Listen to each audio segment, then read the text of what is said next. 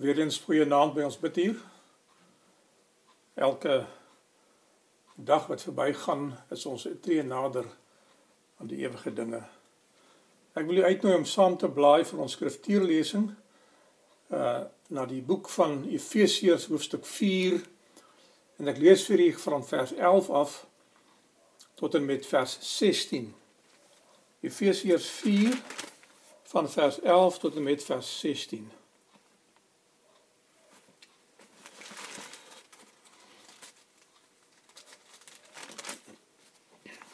Paulus skryf aan die kerk in Efese die volgende. En hy het sommige gegee as apostels, ander as profete, ander as evangeliste, ander as herders en leraars. En die Heilige Stoeterus vir hulle dienswerk tot opbouing van die liggaam van Christus. Dis hier waar ek die klem wil plaas tot die opbouing van die liggaam van Christus totdat ons almal kom tot die eenheid van die geloof en van die kennis van die seun van God tot 'n volwasse man tot die mate van die volle grootte van Christus.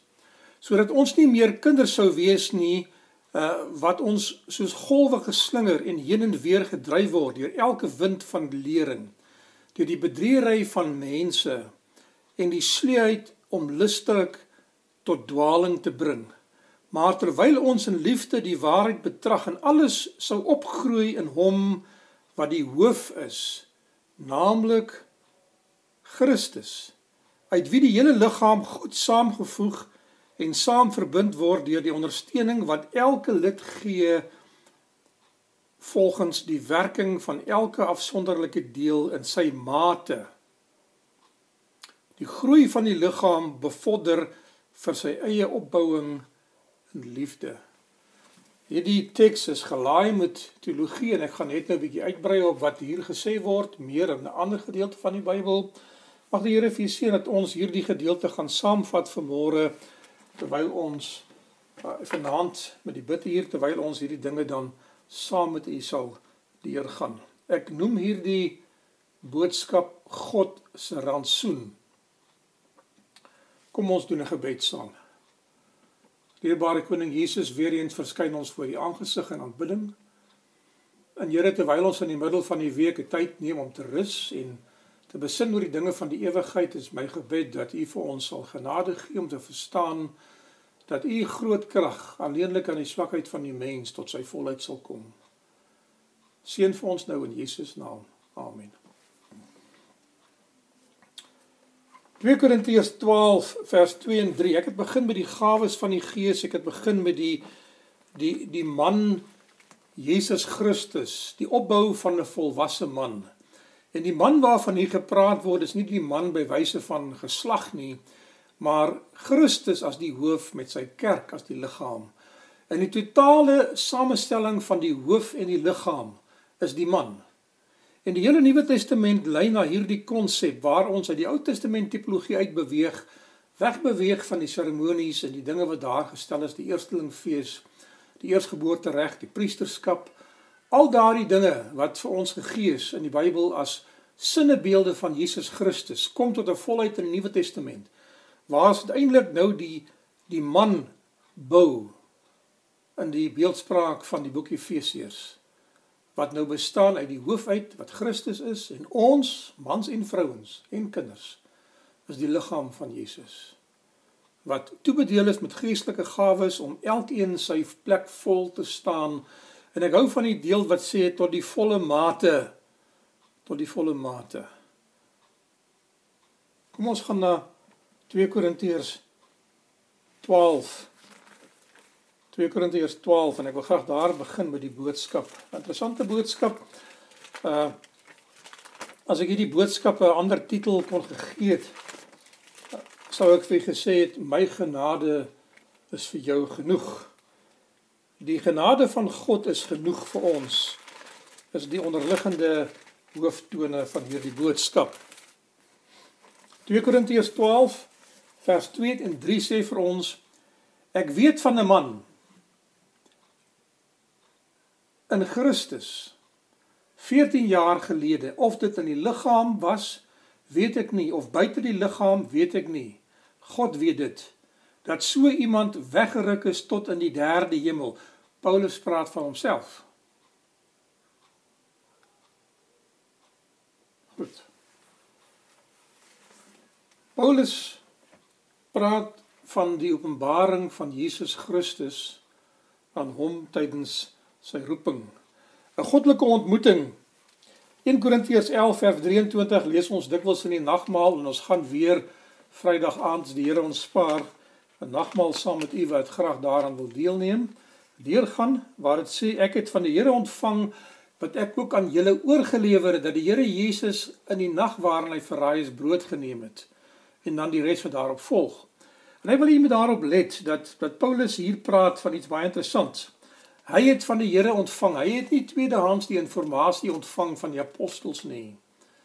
Hy het laat op die toneel verskyn. Hy sê op 'n plek sê hy ek is 'n ontydige geborene. Wat beteken hy kom laat op die toneel van verlossing? Hy sou graag vroeër daar wou gewees het. Hy kom nadat die Here aan ander verskyn het en hy noem so 'n paar name van vroue en van mans aan wie Jesus verskyn het. En dan sê hy en nou ten einde laaste die Here ook aan my verskyn. Persoonlike openbaring. Ek wil dit vir u so stel dat ergens op die lewenspad van u geboorte af tot u wedergeboorte moet u vir Jesus persoonlik ontmoet en aanvaar as u persoonlike saligmaker. Hierdie is die pad wat ons sal gaan. Het u die Here ontmoet Of is dit wat u van Jesus weet alleenlik deur oorlewering soos ons les die afgelope week vir ons vertel waar ons herhaal die woord van God en wat die woord van God vir ons beteken is dit en ek, ek noem dit die geopenbaarde wil van God. Het die Here homself aan u geopenbaar? Of is u besig om nog steeds tweedehandse inligting van Jesus op te bou in die gedagtes tot 'n volle prentjie. 'n Persoonlike openbaring. Paulus sê die Here het aan hom openbaar. Nie nie nie noodwendig vir my en vir u 'n epifanie. Epifanie is waar waar 'n godsopenbaring, 'n magsopenbaring deur 'n groot wonderwerk, deur deur helder lig soos in die geval van Paulus, deur 'n brandende bos soos in die geval van Moses, deur deur deur in 'n in in in in 'n vuur in op te gaan soos in die verhaal van Samson se ouers en in die verhaal van Gideon. Ek weet nie of u al geont uh, probeer het om die Here te ontmoet nie. Uh, ek moet ek, ek sê dit nie tot my skaamte nie. Ek het 'n paar keer in my lewe al gesoek om nader aan die Here te beweeg en ek het my tye uitbeweeg in eensame plekke in waar ek in afsondering gegaan het met die doel om die Here te ontmoet. En die Here het nie aan my verskyn met 'n met 'n stem uit die hemel uit nie. Hy het nie aan my verskyn met 'n gesig of 'n visioen nie. Maar deur die sagte influistering van die Heilige Gees, deur die bestudering van sy van sy woord, het ek die stem van die Here begin hoor. En ek glo dat ek dikwels en meer as dikwels die Here ontmoet langs die pad en ek glo dat elke bidtuur Elke boodskap wat ons met u deel, elke lesstudie wat ons saam deurgaan, elke keer as ek 'n lied sing wat my hart beïndruk, het ek 'n ontmoeting met die Here. En ek verlang dat ons eendag die Here sal sien van aangesig tot aangesig. Ek is lief vir daardie lied wat sê voor die aangesig van Jesus, maar die engel sê face to face, van aangesig tot aangesig. Wat 'n ontmoeting gaan dit nie vir Adam wees om na soveel jaar die Here weer te sien nie. En ons ander wat soos Paulus laat op die toneel gekom het, Ons sou vroeër daar wou gewees het, maar deur die voorsienigheid van God het Paulus op die regte tyd tot inkeer gekom. Die tyd toe ons uh tot bekering gekom het. Toe God homself openbaar het en ons daardie besluit gemaak het. Die tyd toe God ons getrek het, die tyd toe God ons geroep het. Die tyd toe jy gevoel het jy wil reageer. Hebreërs hoofstuk 3 vers 15 sê vandag as jy sy stem hoor, verhard nie julle harte nie. Ek wonder baie keer as ons met u praat, as u met ander mense praat, is daar tye wat die Heilige Gees u hart verlig op so 'n wyse dat u die verlange voel om naby aan die Here te kom. Ek blaai vanmiddag deur Facebook, ek is op soek gewees na iets spesifiek wat daar geskrywe was, want ek wou dit gebruik later aan. En toe kom ek af op 'n verhaal van 'n man en ek gaan nie sy naam noem nie wat sê ek verlang om gedoop te word. En ek het dit 'n punt gemaak, ek gaan daardie persoon opsoek en ek gaan met hom 'n gesprek begin. Ons het ander mense wat met ons 'n gesprek begin in die afgelope tyd wat gesê het hulle wil 'n ontmoeting met Jesus reël. Ek weet daar is in Jeffreys baie gemeente mense wat gereed is en ek weet daar mag op ander plekke mense wees wat gereed is en wat gereed maak om die Here te ontmoet deur die watergraf as ons dit ken. En Vrydag aand gaan ons vir u kans gee om weer naby aan die Here te kom met 'n spesiale nagmaal. En ek hoop dat u gaan u oortuig laat word deur die Heilige Gees om daarvan deel te wees. Al is dit nie op die tradisionele wyse waarop u gewoond is nie.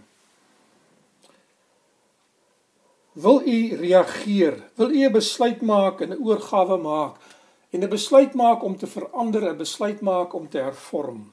Hierdie boodskap het al hierdie komponente in hom ingebou. Na sy bekering bid Paulus en hy vra vir die Here: Here, U het vir my groot genade gegee om U pad te kruis, maar ek verlang om meer te weet. En hy begin met 'n betoog en dit is die hart van hierdie boodskap 2 Korintiërs 12 vers 7 is die hart van hierdie boodskap. Maar Paulus sê en dat hy my oor die vertreffelikheid van die openbaringe nie sou verhef nie. Hy bid 'n gevaarlike gebed. Hy sê vir die Here omdat ek tot in die troonkamer van God gegaan het. Hy sê hy weet nie of dit liggaamlik was en of dit 'n visioen was nie. Maar hy het Jesus ontmoet in die hemelse heiligdom. En hy sê hy is bang dat as gevolg van daardie magsopenbaring, daardie besonderse voorreg om so met God te ontmoet, mag hy te veel van homself dink. Hy mag hoogmoedig word soos wat Satan hoogmoedig geword het. Hy mag homself verhef bo ander mense. En hy sê die rede waarom dit wat hy nou gaan beskryf toegelaat was, is om te keer dat hy nie so groot in homself word nie. Ek ek onthou in die biografie van Ellen White skrywe sy dat sy die Here toe sy nog jonk was, 'n meisie van 17 jaar toe sy die roeping aanvaar het om 'n profetes van die Here te wees in die laaste dae kerk aan 'n groot uitdaging te aanvaar. 'n Veeleisende taak. Het sy vir die Here gesê daar bestaan 'n gevaar dat sy as gevolg van die feit dat God haar uitgekies het en met haar bemoeienis gemaak het en met haar spreek soos 'n vriend teenoor 'n vriend dat sy hoogmoedig sal word. En die Here sê vir haar ek sal jou op 'n siekbed plaas sodat jy kan weet wanneer dit gebeur en tot inkeer kom. Goed.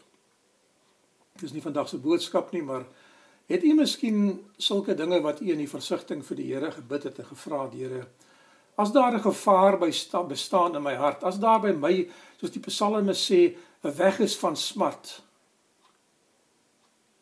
keer my dan dat ek nie op daardie pad sal voortwandel nie. As daar in my hart 'n ding is wat ek koester wat ek miskien wetende of onwetende toelaat om my hele lewe te begin beheers. Stop dit. Draai my om in die proses. Ek gaan voort. Hy sê vers 7 en dat ek my oor die voortreffelikheid van die openbaring nie sou verhef nie. Dis op dit is uh, 2 Korintiërs 12 vers 7, né? Is my 'n doring in die vlees gegee. 'n Engel van die Satan om my met die vuis te slaan soos Matteus 26 vers 67 sê as u dit wil gaan naslaan vir verdere navorsing dat ek my nie sou verhef nie hierdie gedeelte uh hoort eintlik nie in die teks nie dit is 'n invoeging vermoed ons maar dit is nou nie belangrik nie die die die konteks aan die begin het dit gesê dat die rede waarom God 'n doring in sy vlees toegelaat het is dat hy hom nie self sou verhef en gedink het hy is groter en beter as ander omdat God met hom bemoeienis gemaak het in daardie tyd. En nou sê hy in vers 8: Hieroor het ek die Here 3 maal gebid dat hy van my sou wyk. En nou sê hy die antwoord wat die Here vir hom gegee het in die vraag op sy gebedsversigtiging. En hy het vir my gesê, dit is Jesus. My genade is vir jou genoeg. Daardie genade is Romeine 3 vers 24 se beskrywing. Want my krag let wel, nie jou krag nie Paulus, maar my krag word in die swakheid volbring. Baie liewer sal ek dus in my swakheid roem sodat die krag van Christus in my kan woon. Daarom het ek behaag in swakhede, in mishandelinge, in node en in vervolginge, in benoudhede om Christus wil, want as ek swak is, dan is ek sterk. Nou u weet wat die vraag is wat ek nou vir u gaan vra. Is u swak of is u sterk? is u sterk in Christus, maar is u swak in uself sodat Christus se krag u swakheid kan aanvul en sy krag openbaar kan word in die swakheid van die mens. Ek het nou die hele boodskap vir u uiteengesit. Kom ons gaan bietjie nader. Hy bid, hy vra vir die Here dat die Here die doring in sy vlees sal wegneem. 'n Fisiese doring, daardie woord sarx in die Grieks wat so dikwels in die werke van van Paulus voorkom waar hy praat van die vlees en van die gees. En hy praat dus van die menslike liggaam. Die menslike natuur, die aard van die mens en ek wil baie spesifiek sê soos Romeine 7 sê die gefalle sondige menslike natuur. Die Here het vir Paulus in sy gefalle sondige menslike natuur toegelaat om iets oor te kom. Of dit geestelike doring is of dit 'n fisiese doring is. 'n Fisiese doring kan persoonlike kwaad wees, 'n siekte, gebreke wat hy mag opdoen, 'n ongeluk wat hy oorgekom het of een of ander skade wat hom berokken is fisies fisiologies. Dit kan nie doring in sy vlees wees. Dit kan 'n geestelike doring wees waar hy met iets worstel in sy lewe en 'n swakheid voor die voete van die Here geplaas het, waar hy homself te nagekom het, waar hy die Here te nagekom het, waar hy dikwels faal Ek weet nie of u al geworstel het met die Here nie. Een van ons lesse die afgelope kwartaal het baie duidelik gesê ons moet leer wat dit beteken om met God te worstel in gebed soos Jakob met God geworstel het. Ek deel soms met u dinge uit my eie lewe uit en ek wil dit eintlik nie doen nie want dit is baie privaat en baie persoonlik en dit is soms is ek die oorsaak van my eie dinge. Ek kan tog net so oomblik Ek het nie gisteraand geslaap nie. Ek het seker net so na 4 uur vir die eerste keer my oë toegemaak en bewus geword daarvan dat ek geslaap het. Ek was opgewees 'n hele paar keer want ek is besig om te worstel met iets wat in my hart is, 'n geestelike stryd. Ek weet daar is mense buitekant wat ook met die Here worstel oor geestelike sake. Oor verlossing. Oor dinge in die Bybel wat hulle nie verstaan nie, oor die groei. Daar's mense wat met die Here worstel om gedoop te word. Daar is mense wat met die Here worstel in hierdie tyd om weer te aanbid in die kerk van die Here, 'n volle aanbidding te hê waar lofprysing kan plaasvind, danksegging, waar jy 'n broeder of 'n suster kan groet met die hand en uh, miskien kan omhels as dit toepaslik sou wees. En ek het hierdie versigtiging opgetel in die skrywe wat U aan my gerig het, sommige van u. En ek wil vir u sê dat ek deel in daardie stryd Ek staan nie apaties een kant van dit nie. Maar daar is dinge wat gedoen moet word en sekere dinge moet ek doen op die manier wat ek dit nou kan doen. En ek hoop dat u sal verstaan as ek dit vir u sê dat daardie stryd is ook my stryd. Daar mag 'n maatskaplike doring wees die versorging van 'n gestremde persoon vir homself 'n gestremdheid in jouself te hê wat vir jou 'n doring in die vlees geword het. Wat jy vir die Here sê, Here, as hierdie een ding sal wegneem, dan sal ek dit of dat met u saam doen. Ek ek is belemmer in my werk. Ek kan nie voluit vir Jesus werk nie. Om saam te leef met 'n verslaafde persoon, 'n persoon wat wat sekere swakhede in hulle lewens toegelaat het en dit nog nie oorwin het nie. En hierdie kastyding daarvan, die die die die, die hartseer van van om saam met iemand te te, te lewe wat vir jou mishandel, vir jou veronreg, jou verkleineer, op jou neersien of jou misbruik. In ons land het ons 'n geweldige plaag van mans wat vrouens en kinders mishandel. Maar dit kan andersom ook wees. Ek weet van vrouens wat hulle mans aanrand. Dit is nie vanaand se boodskap nie. Ek praat van die doring in die vlees en ek wil vir u onderliggend vra uh uh het jy 'n doring waaroor u bid? Is u dalk 'n onderdrukte in die werk? Word u vervolg in die godsdiens, in u familiekring of in u eie huis? Is daar mense wat u te nakom en finansiëel vir u benadeel het. Bid u oor daardie sake dat 'n regspraak teenoor u moet geskied.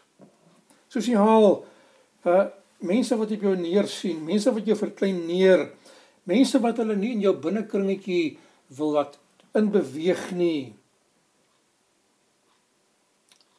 Die doring van armoede, die doring van eensaamheid om 'n lewensmaat te hê of om gelukkig te wees. 'n Probleemkind miskien of 'n kind wat presteer en en en die die prestasies van die lewe so aanhang dat dit vir hom 'n gevaar word om die weg van die Here te verlaat omdat die sukses van die lewe omlok en die aantreklikhede wat daarmee saamgaan. Jou lot tydens omstandighede wat jy vir die Here sê daar is soveel ander wat in ander omstandighede was. Here, as U net my omstandighede kan verander, sal my lewe soveel anderster wees. En ek weet ek praat met u en en u sal by daardie lys kan byvoeg baie dinge. Nou die dinge wat jou pla, die doring in jou vlees, die dinge waaroor jy bid. My slagspreuk en my boodskappe is baie aan u dat as ek wil weet wat in my lewe ingaan of aangaan, moet ek my gebede analiseer. En ek sê dit vir u met opregtheid van hart dat dikwels as ek voor die Here verskyn in my binnekamer gebed, nie my openbare gebede nie. Dan bid ek dinge wat uit my hart uitkom en ek het nogal geluister soms wat bid ek vir die Here want dan is ek baie spontaan. Ek het nie 'n gebed wat ek beplan voor die tyd nie. En dan vra ek soms vir die Here, hoekom bid ek oor hierdie saak? Plaat dit my. Ek sal nie glo dat baie van die intriges wat ek in die kerk ervaar as leraar is dinge wat ek in my binnekamer gebed na die Here toe bring nie. En baie van daai dinge is nie opvallend nie totdat ek daaroor bid. Dan kom ek agter maar daar moet 'n probleem wees want hoekom sal ek daaroor bid?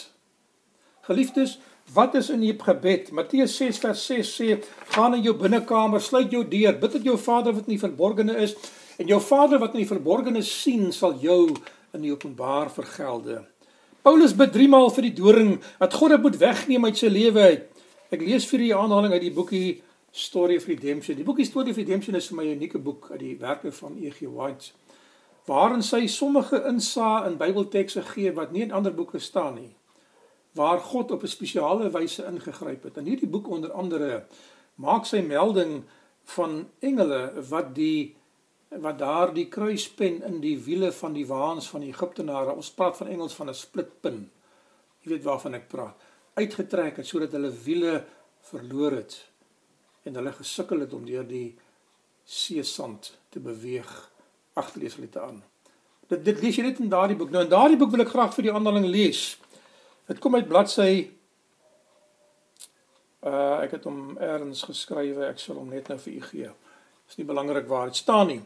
Hy sou altyd hierna, dit is Paulus, die letsels van Jesus se heerlikheid in sy liggaam dra in sy oë wat verblind was deur die helder lig en hy het ook begeer om so ook voortdurend die versekering van Christus se teenwoordigheid en sy onderhoudende genade in sy liggaam te kan dra. Terwyl hy die doring in die vlees gehad het waaroor hy gebid het en dit om herinner het om nie hoogmoedig te word omdat God hom op so wyse vereer het deur hom 'n visioen van die hemel te gee nie sê Paulus het dit vir hom ook sy eie menslike swakheid vergroot in sy hart. En hy voel klein in homself en daarom voel hy groot in God. En nou kan die Here se genade soveel te meer op hom uitgestort word. Het u miskien 'n behoefte of 'n doring in die vlees wat veroorsaak dat u aanspraak op die genade van God meer is as ander mense miskien. Dat u vir die Here kan sê, Here, ek het meer nodig. Ons lewe in die tyd van die uitstorting van die laatfees. Terwyl ek vanmiddag hierdie boodskap voorberei het, ek het bietjie laat begin, ek het te veel dinge gehad om te doen. Ehm um, het ek daaraan gedink dat ons lewe in die tyd wat ons geestelike gawes vir die Here gaan vra. In die afgelope 2 lesse het veral gegaan oor die geestelike gawes. En uh dit gaan kom. 'n Magsopenbaring waar Openbaring 18 vers 4 sê 'n ander engel het met 'n groot stem geroep en is met 'n helder lig vergesel terwyl hy deur die wêreld gaan om mense uit die wêreld uit te roep en die laaste oproep van bekering voor die finale aanslag in die wêreld gaan plaasvind. Paulus praat nie daarvan nie. Paulus praat van iets anders. Handelinge 22 vers 6 vertel hy die verhaal hoe hy op pad was na Damaskus terwyl daar 'n groot lig uit die hemel op hom geval het en hy op die grond geval het en 'n stem in die Hebreëse taal interessant dat die Bybel dit so vermeld met hom praat en sê Saul Saul waarom vervolg jy my En hy vra vir die Here: "Wie is u Here dat ek u sou vervolg?" En die Here begin 'n gesprek met Saul. Saul was sy naam in Hebreëus gewees. Wie is Paulus? Paulus se pa was 'n Fariseer volgens Handelinge 22 vers 6. Ek gee vir julle so 'n bietjie agtergrondmateriaal indien jy verder wil gaan studie doen. Hy het Romeinse burgerskap verwerf deurdat hy daarso 'n uh, inwoner geword het. Hy was blykbaar weggevoer uit Palestina sê die geskiedenis vir ons en uh, die historikus Josephus gee so 'n bietjie agtergrond van hierdie verhale. En hy het burgerskap verkry deur dit met 'n groot som geld te koop. Maar Paulus is daar in Tarsus gebore, 'n Jood in die politieke party party van die Fariseërs. Maar hy het burgerskap nou deur geboorte. Het u burgerskap van die hemel deur dit te koop? Daar is kerke wat burgerskap vir mense aanbied deur sekere dinge vir hulle aan te bied. Of het u burgerskap deur geboorte? Die wedergeboorte van Jesus. En is u koninkryk in die hemel of is u nog besig om te veg vir die dinge van hierdie wêreld? Ek het in die laaste paar boodskappe vir u herhaaldelik gesê dat u burgerskap is nie van hierdie wêreld nie. En ek is al bevrees in my hart as Afrikaner dat sommige van u mag aanstoot neem en dink ek sê dat ek dit wat met my volk en my land gebeur en my taal gebeur minag. Dit is nie so nie. Ek verlang dat hierdie dinge sal gebeur en sal regkom, maar ek weet dat ons lewe in die in die snikke van die laaste stryd van hierdie wêreld, die doodsnikke van die laaste stryd. My pa het dit gesê. Geliefdes, uh, ek gaan aan die tuisdorp was Damaskus gewees. Dit was 'n dorp gewees waarin baie uitlanders was, nie Jode nie, heidene soos die Engelse Bybel sê. Goed. Hy leer in die sinagoge van Tarsus. Hy leer ander beroepe soos tentmakery Handelinge 18 vers 1 sê dit vir ons dit was heel waarskynlik 'n familiebedryf gewees wat hy oorgeneem het. Hy kry ook Romeinse burgerskap deur geboorte Handelinge 22 vers 28 het hy aan die in sy verdediging gesê ek het dit nie gekry met met 'n som geld nie, maar ek het dit gekry deur geboorte. Hy's gebore as 'n Romeinse burger alhoewel hy 'n Jood is in sy nasionaliteit. Hy word 'n Fariseer, 'n skrifgeleerde soos sy vader was. Uh, en as en ek wil graag definieer tussen 'n tussen 'n Fariseer 'n Fariseer is 'n godsdienstige politieke party wat sekere dinge geglo het. Hulle het die sinagoges beheer en hulle was die direkte uh, opvoeders van die mense gewees op die grondvlak want dit is die skool van die rabbies gewees waarvan ons dikwels lees. In daardie skole was daar ook skrifgeleerdes. Die skrifgeleerdes kon beide fariseërs en sadiseërs gewees het. Nou ek vermoed baie sterk dat Paulus in die klassifikasie is waar hy 'n skrifgeleerde bykomend was tot sy fariseërskap want hy het uitgestaan en was 'n uitmuntende man gewees in die geskrifte van die Bybel. Hy was 'n wetsgeleerde en die wet was nie die wet van die land nie of die Romeinse reg nie, maar die wet van God, die Torah. Paulus se Griekse naam wat uit die Latyns afgelei is, beteken om klein te wees. En onderontwikkelde persoon, iemand wat miskien kort van gestalte was as ons die beeldspraak in die Griekse taal reg verstaan. Ons weet nie regtig hoekom hy so genoem word nie. Saulus is 'n Hebreëse naam en dit beteken om aan God geleen te wees. Hy is geleen vir God, maar God sê ek wil jou nie leen nie Paulus, ek gaan jou vat en die Here vat vir Paulus. Hy het 'n suster gehad of ons dink hy het 'n suster gehad. Dit kan 'n figuurlike beeldspraak wees waar hy praat van 'n 'n suster in die gemeente, maar die konteks sê vir ons dat dit 'n suster was wie se kind dit was en dit en hy sou 'n bietjie meer uitgebrei het net op net 'n 'n lidmaat van die kerk was. So ons vermoed baie sterk dat hierdie in Handelinge 23 vers 16 'n bloedsuster was. Haar naam word nie gegee nie. Paulus se naamverandering vind plaas in hoofstuk 13 waar hy Saulus genoem was en toeskielik word hy Paulus genoem en verder aan nie weer Saulus genoem nie. Nou is dit vir julle interessant dat dikwels as mense 'n ontmoeting met God gehad het, het hulle naam verander. Hosea se naam verander na Josua toe. En Moses verander sy naam want sy naam kon nie beteken verlosser nie. Die die grondstamwoord wat vir die woord Jesus afgelei is wat verlosser beteken nie. Paulus, 'n geroepe apostel tot die heidene, hy sê self by verskeie geleenthede dat die Here het hom met 'n baie spesifieke roeping geroep na die heidene toe en nie na die Jode toe nie, alhoewel hy vir beide gewerk het. Die gawe wat Paulus ontvang het, uh pas hy aan deur sy persoonlikheid, sy temperament en sy werksagtergrond. Ek wil weer by die lesse van die laaste 3 weke aansluit deur vir u te sê dat ek glo my hart dat wanneer die Heilige Gees gawes uitdeel, daardie gawes baie nou verband hou met die natuurlike aanleg en talente wat ons in die lewe bekom het. Maar dat die Heilige Gees sal byvoeg soos wat hy die beste weet. En dikwels en meer as dikwels gebruik die Here ons in die rigting waarin hy ons in die skool van die daaglikse lewe geplaas het. Die skool van swaar kry en leed sê die boekie opvoeding.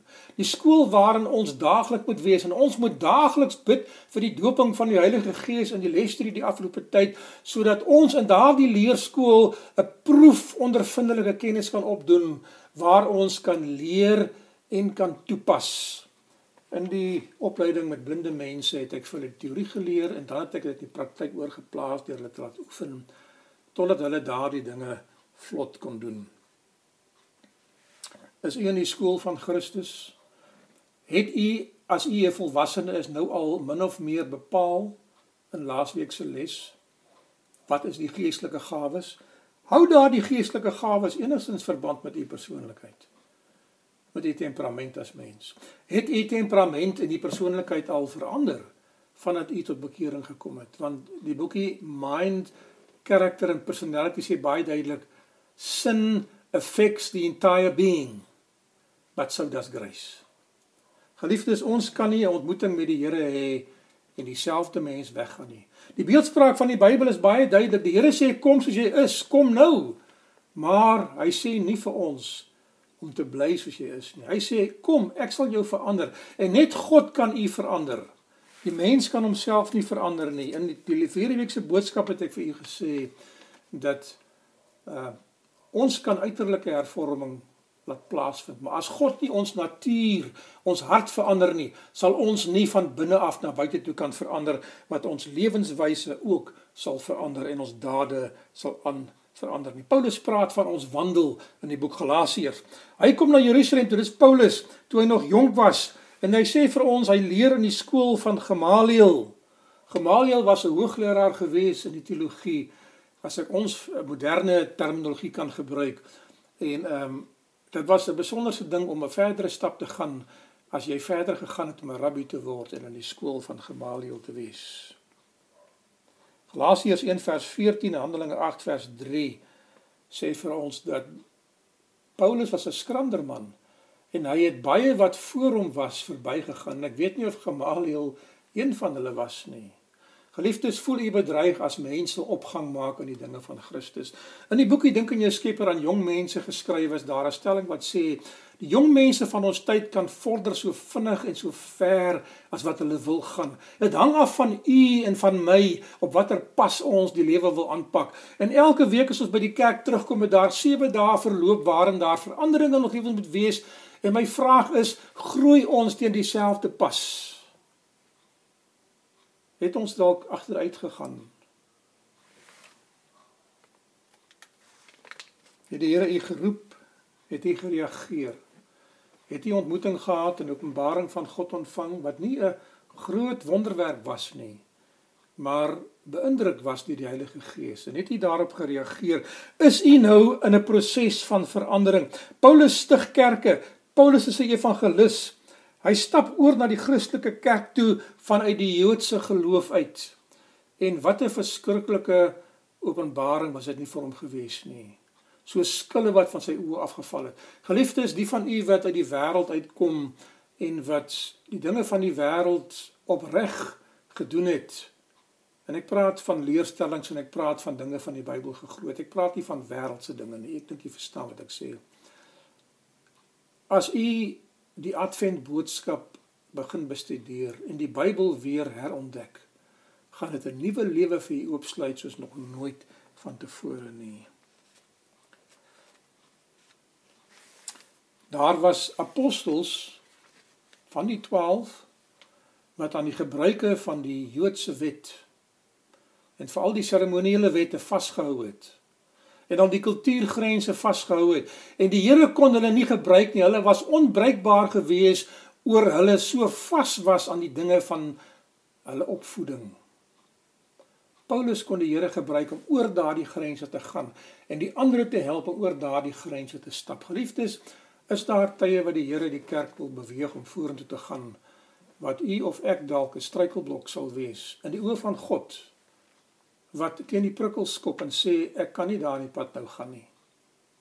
Is daar 'n pad wat die Here vir u oopmaak in die 1888 konferensie van Minneapolis het twee manne, Wagner en Jones opgestaan in 'n boodskap van regverdigmaking deur geloof om weg van die wet af te beweeg en die vereiste van die wet of die of die onvolmaaktheid van die wet op te kan red. En die kerkleiers, die grootste groep van hulle het teen dit geskop met alles wat hulle gehad het. En Ellen White skrywe aan die kerkleiers en sy sê vir hulle die Here het aan haar getoon dat hierdie die boodskap is van die tyd dat hierdie boodskap moet aanvaar en saam met die lig moet groei want dit is nuwe openbaringe wat God in sy kerk toegelaat het op die regte tyd. Daar is van ons leiers wat vashang en vassteek by wat die pioniere geglo het in hulle vroeëre ontstaansjare in die 1800s rondom die godheidsleer en ek het in 'n studie met u gedeel en ek het nog studies wat ek met u kan deel om vir u te wys dat baie van daardie pioniere wat gesogte manne in die kerk was, het 'n verkeerde sienswyse gehad want dit was nie die boodskap nie. Hulle fokus was op die advent boodskap, op die wederkoms van Christus, op die oordeelsuur en die dinge wat daarmee saamgegaan het, maar toe die tyd gekom het, het die Here hulle beweeg om verder te gaan en ook die godheidsleer aan te pak. Later die gesondheidsboodskap later bygekom, later het die Sabbat bygekom. Die Here het nie al die waarhede met eens op hulle geplaas en gesê glo alles nie. Hy het die waarheid laat ontvou soos 'n legkaart, soos wat hulle daarvoor gereed was en soos wat hulle dit aanvaar het. En die les wat vir my uitkom in een van die geskrifte in die boekie Patriarge en Profete sê, dit is alleen wanneer jy leef volgens die lig wat jy het, wat jy meer lig sal ontvang. Geliefdes, ons sal nie verby ons kennis en ons ervaring groei as ons nie 'n gelooftree vorentoe gee versigtig biddende saam met Jesus en sy woord nie. Paulus verdedig die saak van Christus in sy persoon deur vervolging te ervaar Paulus verdedig die saak van Christus met sy pen. Hy skryf vir ons geskrifte waar hy die waarheid reg sny en van die grootste waarhede rondom die godheidsleer vind ons in die geskrifte van Paulus en in die geskrifte van Petrus en die geskrifte van Johannes veral. Die Here het aan elkeen van hulle roeping gegee wat pas by die werk wat God aan hulle toegeskryf het. Wat is die werk wat die Here vir u gegee het in die evangelie boodskap? Watter waarheid moet u vat en ontwikkel en met nadruk op mense harte plaas sonder om oorboord te gaan deur 'n balans te handhaaf? Die probleem met sy oë, hy gebruik 'n skriba. Uh 2 Tessalonisense 3 vers 17 sê dat hy het mense gebruik en ons weet dat Lukas het baie lank vir Paulus vergesel. En heel waarskynlik vir hom gehelp skryf. Daar word ander met die naam genoem. Hy skryf die uiteindes van sy briewe soms met sy eie handskrif. En hy sê vir hulle ek het hierdie met my eie hand geskrywe. Uh, hoekom sê hy dit? Hy sê kyk met watter groot letters ek skryf. Ons vermoed baie sterk dat Paulus soos ek vir u nou sopas gelees het, 'n probleem met sy oë opgedoen het. En ek wat met blinde mense gewerk het en swaksiende mense kan verstaan dat dat hy 'n probleem gehad het met sy oog of die kornea van die oog of die lens van die oog het beskadig geraak of die retina van die oog van die helder lig, die optiese disk en die fyn plekke waar hy moes kyk om te lees. Hy het genoeg visie in sy periferale veld gehad om te kan beweeg veilig om te kan sien om dinge te kan doen. Maar wanneer hy kom by fyn skryf en fyn werk en veral hy wat wat net te gewerk het en tente gewerk het wat fyn steekwerk moes doen met die naald. Het seker 'n probleem gehad later aan om sy beroep nog steeds soos van tevore te volg. Is daar iets wat u verhinder om u beroep tot uitvoer te bring?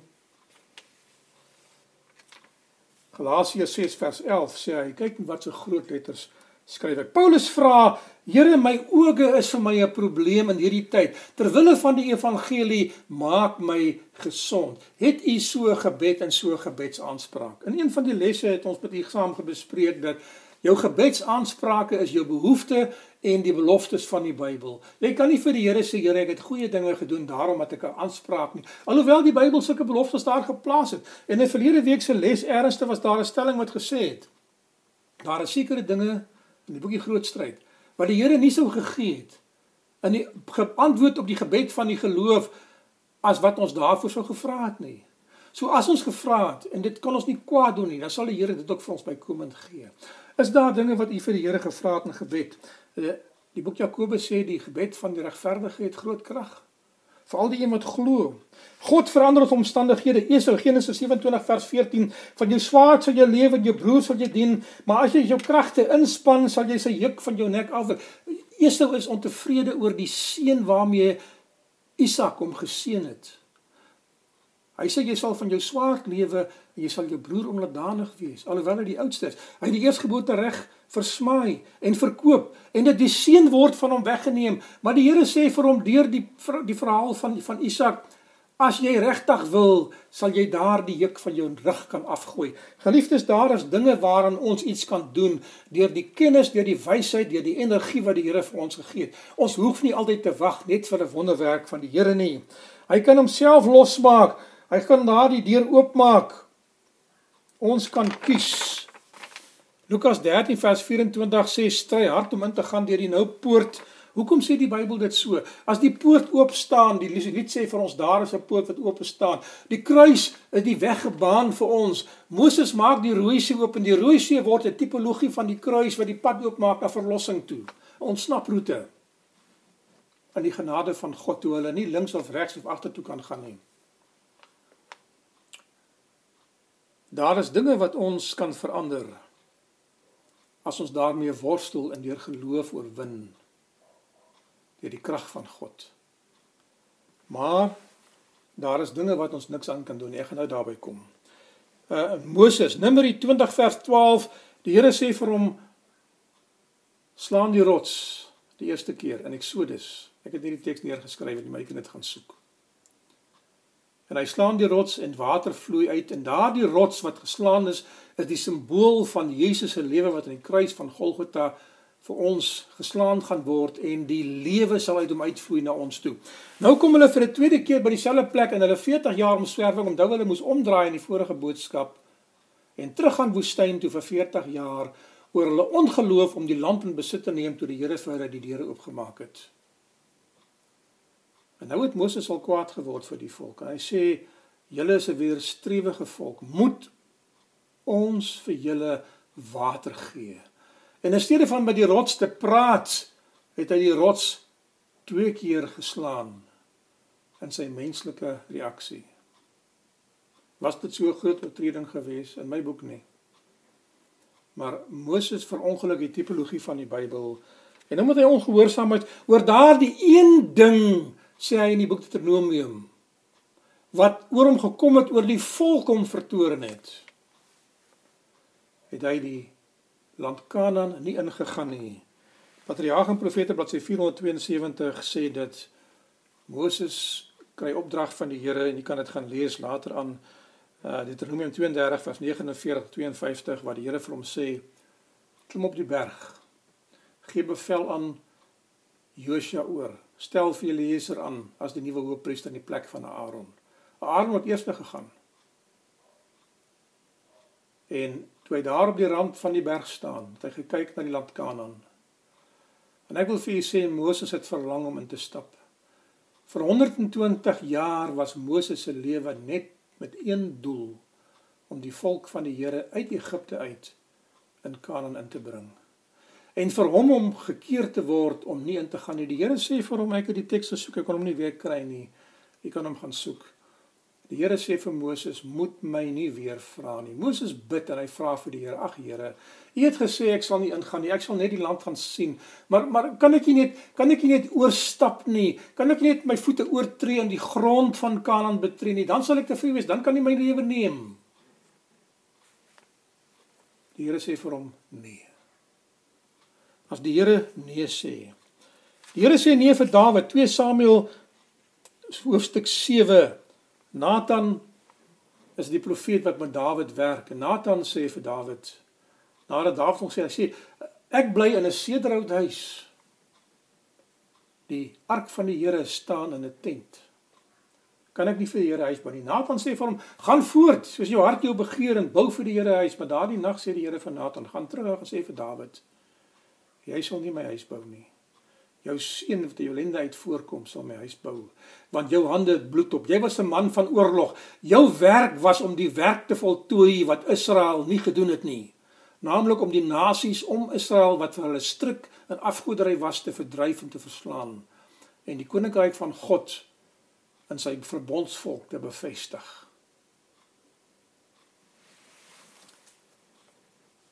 Man wat baie vroeg gesterwe het wat sonde gedoen het, maar die Here het hom in genade aangeneem. Maar die Here sê vir Dawid: "Nee, het die Here al vir u nee gesê met 'n beslisheid? Nee." Dit is 'n verskriklike ding as 'n mens nee sê vir iemand met 'n beslissende stem teenoor een wat vir jou sê, "Miskien ek sal dit oorweeg. Kom ons praat oor die saak en kyk waar jy dit gaan." Met ander woorde, ek het 'n standpunt ingeneem en ek sal dit nie verander nie. Paulus My genade is vir jou genoeg sê die Here want my krag word aan die swakheid van die mense volbring. Die genade van God is 'n uh, is is is is 'n antoniem van geregtigheid. Genade is wanneer jy iets gegee word wat jy nie verdien nie. Dit is genade. By eenvoudige definisie. As iemand vir jou gee wat jy nie verdien nie, wat jy nie vir jouself kan doen nie, ontvang jy genade. En daarom is genade 'n gawe. Jy kan niks doen om dit te kry nie. En daarom sê die Here ons word gered deur genade. Ons kan niks doen om verlossing te bewerkstellig nie. Teenoor geregtigheid wat jy 'n verdienste het. Jy word Christus se geregtigheid gegee as jy sy genade deur geloof aanvaar. Wat 'n wat 'n ek wil nie sê 'n moeilike konsep nie. Maar wat 'n interessante konsep van verlossing. Jy word genade gegee verniet. En jy aanvaar die geregtigheid van Christus in jou plek. Wat genade nie is nie, Lot in die verhaal van Genesis, die Lot sê vir die engele wat hom uitlei uit die stad uit omdat hulle die stad wil verwoes. Abraham bid. Hy bid vir Sodom en Gomorra. Hy sê vir die Here, Here, as daar 50 mense is, sal U die stad verwoes? Die Here sê nee. Hy sê Here moenie vir my kwaad word nie as daar 45 is. En hy gaan so af, hy kom tot by 10. En toe stop die Here om te sê hy vond dis nou genoeg. Dis nou genoeg. Selfs Lot en sy vrou, sy twee ongetroude dogters en sy twee dogters wat getroud was met hulle skoonseuns was nie genoeg aan daardie getal om Sodom en Gomorra se verwoesting te keer nie, want die Here sou dit gedoen het. Met ander woorde selfs Lot en sy familie het gelykvormig geword aan die wêreld. Wat 'n tragiese verhaal. Maar maar Lot vra vir die Here, ag Here, eh, ek is nou al 'n ou man. Neem my tog in guns aan. Hy het gesê ek moet ek moet ek moet agter die berge verbyvlug. Laat ek na Soar toe gaan. En die Here sê vir hom: "Ja, gaan, maar doen dit haastig." En Lot vlug met 'n ander pad as die pad wat hy sou gevlug het en die pad wat hy nou vat is 'n pad wat hom verbyvat by die plek waar hy die verwoesting van Sodom en Gomorra kan sien. As hy die ander pad gevat het wat die Here oorspronklik vir hom gegee het, het hy agter die berge verbygegaan en hy sien sou nie die verwoesting van Sodom aanskou het nie. Want die Here sê vir hom moenie omkyk nie. Dit is 'n beeldspraak wat dikwels in die Ou Testament voorkom waar die Here sê moenie teruggaan nie. Moenie daai daar gaan eet nie. Jy weet, moenie stof die is uh, trap die stof van jou skoene af. Stamp dit af. Met ander woorde, geen assosiasie nie. Ek het 'n oordeel oor daardie plek geplaas, moenie met hulle simpatiseer nie. Maar Lot se vrou kyk om, hoekom kyk sy om? Als wat hy voor gelewe het was in Sodom. Haar kinders was in Sodom gewees. Sou u as 'n moeder nie omgekyk het nie.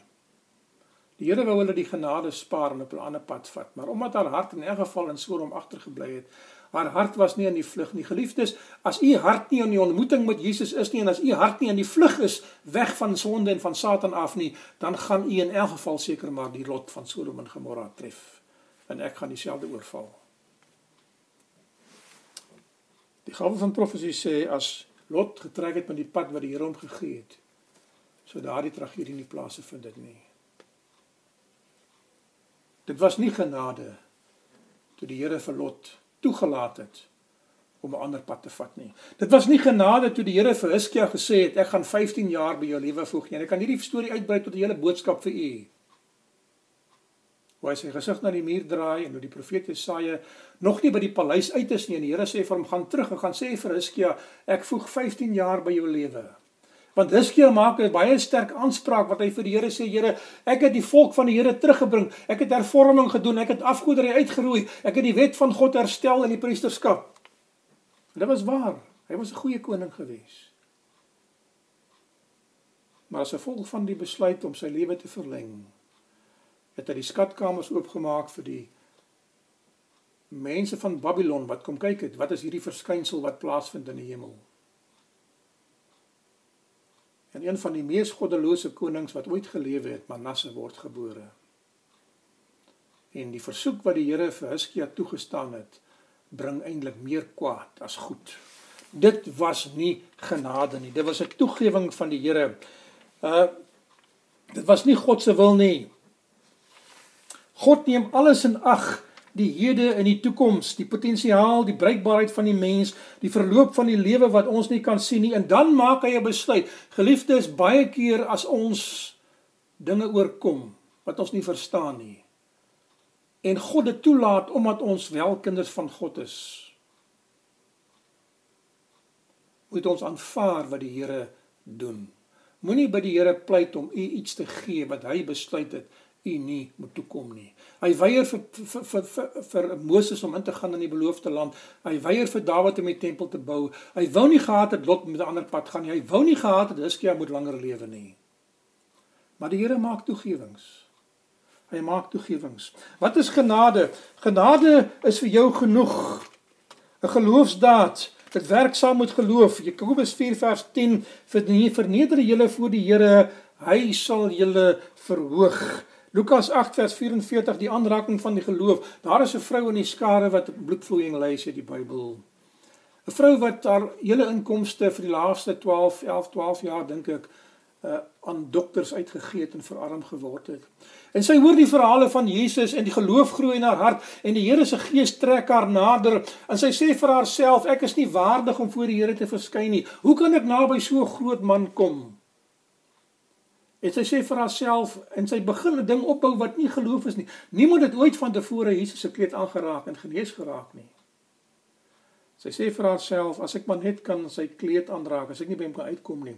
Maar die gawe van profesie sê dat toe Jesus daar van die meer van Gadara afgestamp het, na die besetenis genees het.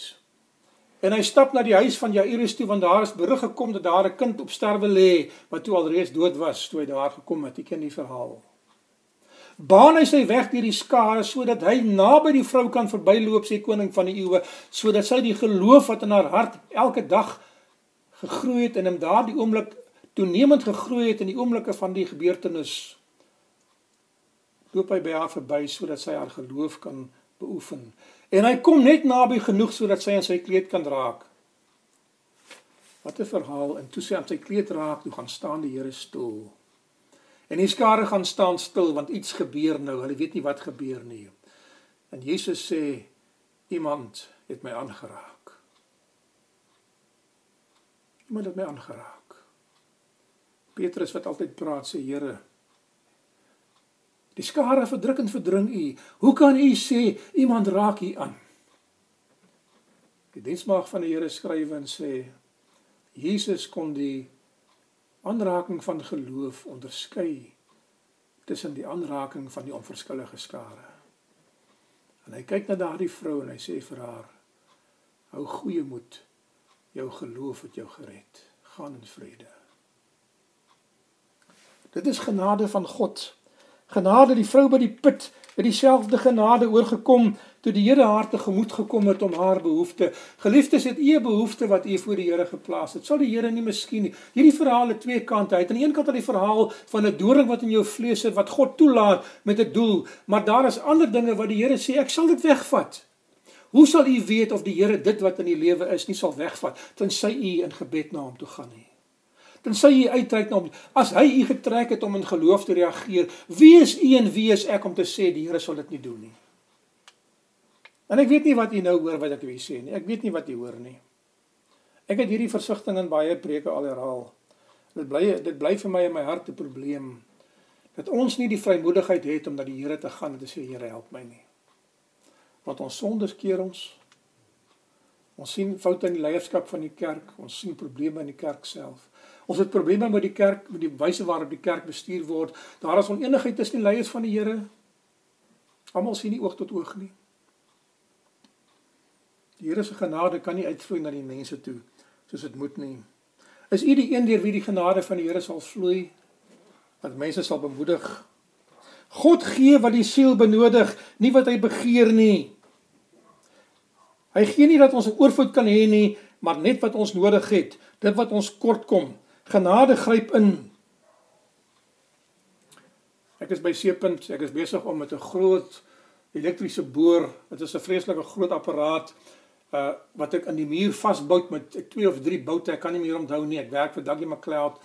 Hierdie apparaat het, het twee groot wel uit meer seker as dit, maar maar die twee wat ek gebruik het was een was so groot geweest en een was 'n klein lopie geweest, so 'n lang buisvormige boor wat hol in die middel was, 'n silinder. En dan die voorpunt van hom het hy riffeltjies gehad en was hy met diamantpunte in die boor in in die, in die, in die metaal ingeplaas.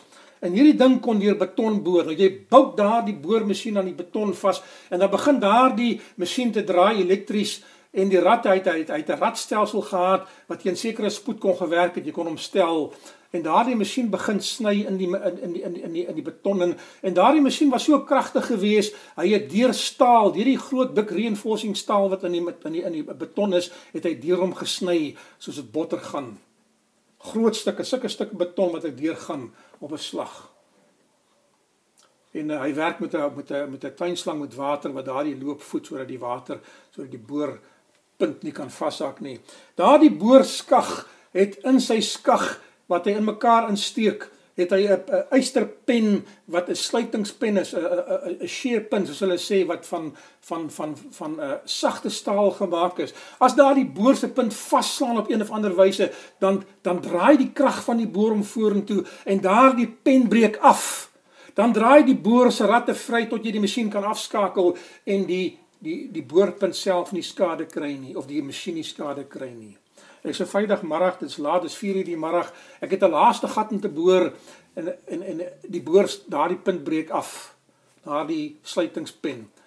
Nou moet ek die hele apparaat afskroef van die muur af om losmaak op die grond sit, hamer vat en daardie stuk wat afgebreek het uitkap met 'n met 'n met 'n met 'n pons en dan 'n nuwe stuk yster insit daarin. In die derde maal toe ek dit doen, toe gaan sit ek op die grond daar en ek, ek bid ek sê vir die Here, ag Here, die sabbature kom nader. Ek moet hierdie werk klaarmaak. Ek kan nie hierdie werk laat staan nie. Dan moet ek weer terugkom maandag. Ek is 'n student. Ek kan nie bekostig om so baie van die klas af te wees nie. En ek sê Here, gee tog dat hierdie ding nie weer sal afbreek nie en ek en ek begin hom weer vasbou. Maar terwyl ek hom vasbou, toe hoor ek iemand kom opgehardloop op die trappe. Ek is op die uh, ek dink ons op die 11de of die 12de vloer van 'n woonstelblok wat hulle besig was om te restoreer. En en ek hoor die man skreeu my naam. Andrei, Andrei, waar is jy? Waar is jy? Waar boor jy? En en ek kan hoor in die man se stem, hy's hy's dringend en jy weet en ek staak my werk, ek skreeu terug hier in die gang af. Ek sê ek is hier op hierdie vloer. Hy sê stop wat jy doen. Stop wat jy doen. Dis al wat hy aanhou skreeu. En hy kom om die hoek gehardloop. Hy sê vir my, "Waar boor jy?" Ek sê, "Daar waar jy hy was 'n argitek. Hy het die hy het die gate uitgemerk waar ek moes boor." Hy sê, "Stop. Stop. Haal die masjien af." Ek sê hoekom? Ek is amper amper deur die eerste eerste derde van die van die muur al. Gaan nou nog deur wees. Hy sê nee, kom kyk. Hy vat my om die hoekie van die muur. Maak 'n deur oop en daar is 'n skag. Jy weet jy ek word koud in my hart. In die hoek van daardie muur, reg by die plek wat ek boor, is daar sulke groot blou en swart en ek dink daar was ek weet nie wat die ander kleur was nie rooi elektriese kabels, koper, sulke groot dik koper buiste wat opgaan teen die muur. Hy sê vir my jy boor reg in 'n drie-fase kraglyn in. Jy sal dood wees, jy sal nie eers weet jy boor deur hom as jy in hom gaan nie. Daardie daardie afslaanskakelaar sal nie betyds afslaan om jou lewe te spaar nie. Hy sê en al die mense wat in hierdie water staan wat jy in werk sal dood wees. Genade van die Here. Die Here sê my genade is vir jou genoeg. Het die Here al vir u in sy genade gekeer? En dan wil ek die ander kant van die vraag wat baie mense my vra, wat gebeur die tye wanneer die Here dit nie doen nie? Wat mense vir my vra, waar was die engel van die Here gewees toe hierdie ding plaasgevind het en niemand het hom gekeer nie? Ek het nie vir die antwoord nie geliefdes. Al wat ek vir julle kan sê is dat die koning van die eeue sê dat die Here bewaar die voetstappe van hulle wat kom en gaan op die bevel van die Here, engele. En as my werk nie klaar is nie, as ek my roeping nie volbring het nie, sal die Here nie toelaat dat Satan deur 'n voorsienigheid van die wêreld my lewe kan beëindig nie. Maar as my werk klaar is, mag die Here dit toelaat. As my hart voorberei is, mag die Here dit toelaat. En ons lewe in 'n vreeslike tyd waar daar dinge gebeur met ons volk en met ons mense. Ek glo nie dis die hand van die Here nie. Maar ek glo ook dat die Here mense voorberei voor hulle by daai plekke kom gereed te wees.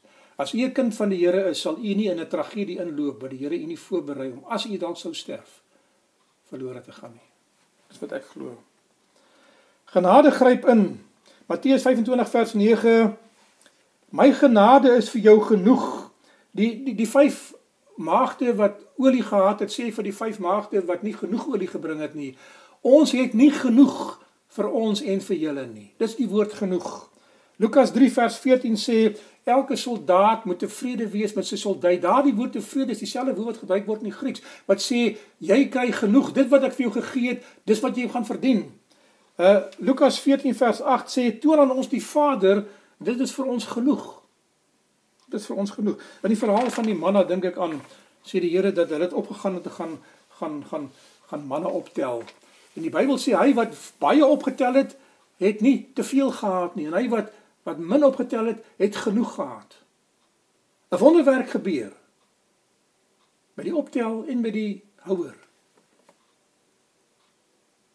Die Here sê vir Paulus, Paulus, ek gaan nie die doring uit jou vlees uithaal nie.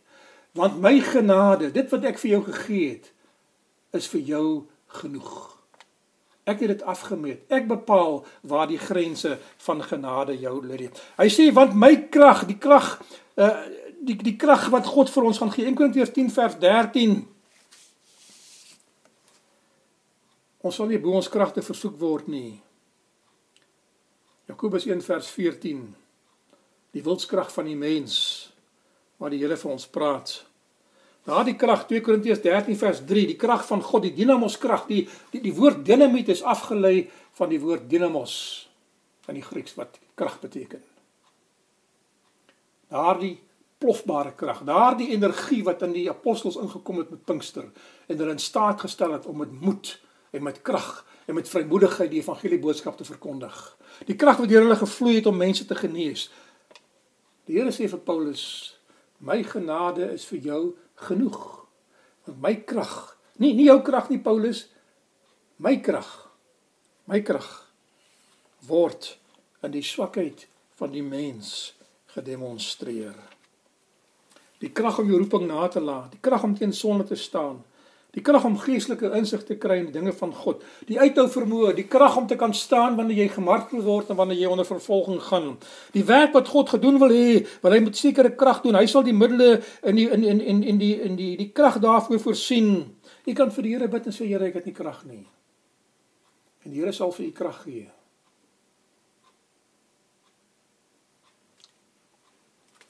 Ek het laas nag vir die Here gesê. Ek het nie krag nie. En ek wil nie met u deel wat my wortelstryd op die oomblik is nie, maar ek het nie gedink om vanaand met u 'n bidtier te deel nie. Dis ook my bidtier laat is. Maar ek kom nou eers doen Dit is 10 voor 5 in die middag. Gewoonlik is my bidure die volg vir die vorige dag al reeds gedoen. En ek het vir die Here gesê ek wil hierdie naweek net alles los. Gaan nie 'n preek voorberei nie, ek gaan nie 'n lesstudie voorberei nie, ek gaan nie 'n bidure voorberei nie. Ek het my verbind met die nagmaal en ek sal die nagmaal boodskap doen Vrydag aand. Maar hierdie dag en hierdie nag my worsteling met die Here het die my gewete my gepla. En ek het vir die Here gesê, Here gee vir my krag en gee vir my moed. Geliefdes, daar sal tye kom wanneer u vir die Here sal sê ek het nie genoeg krag nie. En vergewe my dat vandag so 'n dag dag vir my was. Maar ek het moed geskep langs die pad want die Here se genade is vir my genoeg. Daar gaan tye wees wat u voor die Here gaan teen en vir die Here gaan sê Here ek kan nie aangaan nie. Die stryd wat ek voer teen al die dinge wat in my is is te veel.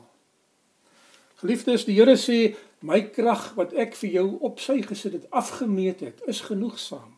Dit is genoegsaam. Jy kan die werk doen. Gaan en gaan doen die werk deur die krag, want in die menslike swakheid, dit is nie afskeep werk. Dit is nie werk nie. Wanneer jy alles gedoen het wat jy kan, wanneer jy al jou menslike krag ingespan het, jou talente, jou bekwaamhede, jou al jou gawes opgeroep het vir die Here, dan is dit nog steeds nie genoeg nie. Dis soos 'n wegwerklike kleed vir die Here.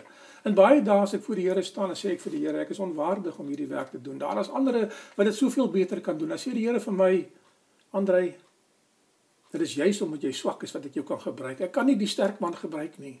Want hy gaan nie krag van my vra nie. Maar ek kan die een wat swak is gebruik, want hy gaan vra en hy gaan nederig genoeg wees om te sê, Here, maak my vol en dan gaan ek hom vol maak. Geliefdes, as u swak voel, is u ook u sterkste. Die Here gaan dinge deur u doen wat hy nie deur ander mense kan doen wat baie sterker as u is nie. Hy sê daardie daardie krag van my sal in die swakheid van die mens volbring word. Daardie woord volbring beteken ek bring dit wat ge gebeur het tot 'n volëinde. Ek maak die maat vol, die doel waarvoor jy daar geskape is. Johannes die Doper het sy werk volbring en kort daarna word hy gevange geneem deur die Herodes en hy spandeer 2 jaar byna in die gevangenis. Wat hy twyfel aan sy roeping. En die Here vir hom bemoedig deur die disippels terug te stuur en sê gaan vertel vir Johannes wat jy gele gesien het en dit sal hom dit sal hom versterk. Want Johannes het krag gekry wat vir hom genoeg was. Hy het genoeg krag gehad, maar hy het swak gevoel in sy menslikheid. En hy het opgestaan en hy het deur daardie laaste stryd gegaan waar hy onthou was en die volle prys betaal het. Ek wil vir julle nog 'n ding byvoeg wat ek dikwels by begrafnisse vir mense sê. Die Here sal nie u lewe red ten koste van u siel nie. Ek het baie vir die Here gevra waarom my pa so vroeg in sy lewe gaan sterwe. Volgende jaar gaan ek my pa verby in ouderdom. Dit klink baie snaaks. Ek sien hom nog steeds as 'n groot man. Ek sien hom as baie ouer as ek. Maar dit is waar, ek het ek het hom ek het hom ingehaal in ouderdom en ek gaan hom verbygaan. Want hy het gaan rus. Ek het vir die Here al gevra. Hy was iemand wat soveel gedoen het vir u. My pa was 'n man wat kon preek wat soos ander mense nie kon preek nie. Hy kon studies doen soos ander mense nie kon doen nie. En u mag dit nie weet nie, maar baie van die boodskappe wat ek met u deel, kom nie uit my eie gedagtes uit nie. Dit kom uit sy boeke uit. Ek het 'n hele reeks van sy boeke, sy preekboeke en ek gaan haal dikwels as ek vasbrand, gaan haal ek gedagtes daar. Ons leen vir mekaar af. Geliefdes, ek glo die Here het vorentoe gekyk en gesê: "Gerardus niemand gaan nie aan met sy pad nie, want daar is iets wat ek vorentoe sien wat hom of van my af gaan wegvat of wat vir hom gaan baie skade berokken of my kerk gaan skade berokken." Hy is nou gereed. Ek gaan nou vir hom laat rus. Geliefdes, u moet nie u moet nie twyfel aan die Here se manier nie. As u u lewe aan God oorgegee het in die gebed van die geloof, en God laat toe dat iets oor u kom. Aanvaar dit. Moenie ophou bid nie. Maar bly veilig in Jesus. En ek wil ek wil hierdie boodskap daar los. Paulus bid die Here en hy sê vir die Here daar's 'n doring in my vlees. Vat dit van my weg. Die Here sê vir Paulus nee. Nou hy drie keer gevra het. En die Here sê vir Paulus My genade is vir jou genoeg. Want my krag word in die swakheid van die mens volbring. As u vanaand swak voel, mag die Here u versterk. Kom ons bid saam. Here, dit is net omdat ek swak voel wat ek u hand van krag kan aanvaar. Here, as daar iemand is wat miskien 'n doring in hulle vlees het wat hulle voor u plaas. 'n Saak wat hulle voor u gelê het vir baie jare of vir min jare of glad nie meer 'n saak voor u lê nie omdat hulle dink daar sal niks gebeur nie. Here, gee vir ons die moed om te vra en die belofte om te vra. Maar as u geantwoord het en gesê het nee of nie nou nie of later of nie dit nie iets anderster. Help ons en antwoord ons. Gee vir ons getuienis soos die boek Hebreërs sê. Abraham het getuienis ontvang dat hy regverdig was. Here, as ons 'n gebed bid wat U nie gaan beantwoord nie, gee vir ons die getuienis daarvan en die berusting dat U gedoen het wat die beste was. Wat U het vorentoe gekyk en gesien. En my gebed is dat elkeen van daardie sake wat ons in ons menslikheid as swak sien of as 'n vermislukking van ons lewens sien, dat U daardeur kan werk en sodoende U krag kan demonstreer aan die wêreld Want met hierdie gebroke, stikkende sondaarsmense gaan u in die laaste stryd van die wêreld die grootste aanslag teen Satan aanvat in die sewe laaste plaag en in die tyd van benoudheid. Dat u gaan hulle wat in die laaste stryd gaan lewe, Here, trofee maak. En daar gaan 'n tyd kom wat u by daardie krag moet byvoeg, het ek in die vorige boodskap met mense gedeel uit u gawe uit. Here, u weet wanneer ons wat nodig het, gee dit vir ons. Gee vir ons nou krag. En dankie daarvoor in Jesus naam. Amen. Liefdes mag die Here vir u seën. Mag u krag ontvang wanneer u dit nodig het. Mag u nie God se besluite bevraagteken nie. Maar aanvaar. En eendag sal u miskien wanneer ons op die wolke na die hemel toe vaar, na die sewe dae. Dis ek glo die Openbaring vir ons sê vir die Here kan vra hoekom. Dan gaan hy vir ons antwoorde gee en ons gaan sê ja, ek verstaan. Here wees met die kerk. Amen. Geliefdes, die Here seën vir u. Die Here seën vir u. Ek gaan u uitnooi dat u sal gereed maak vir die nagmaal ook Vrydag. Ek doen 'n beroep op u. As u dalk besluit het om nie deel te neem nie. As u dalk 'n probleem voorsien praktiese probleem. As dit as dit skrein teen u teen u 'n mens wees in dat ons dit verkeerd doen. Die teologie daarvan. Laat die Here u oortuig. En wees deel van daardie tyd wanneer die Here u wil skoonmaak weer, want ons het nie op 'n ander manier op hierdie manier nie. Die Here seën vir u totdat ons mekaar weer sien.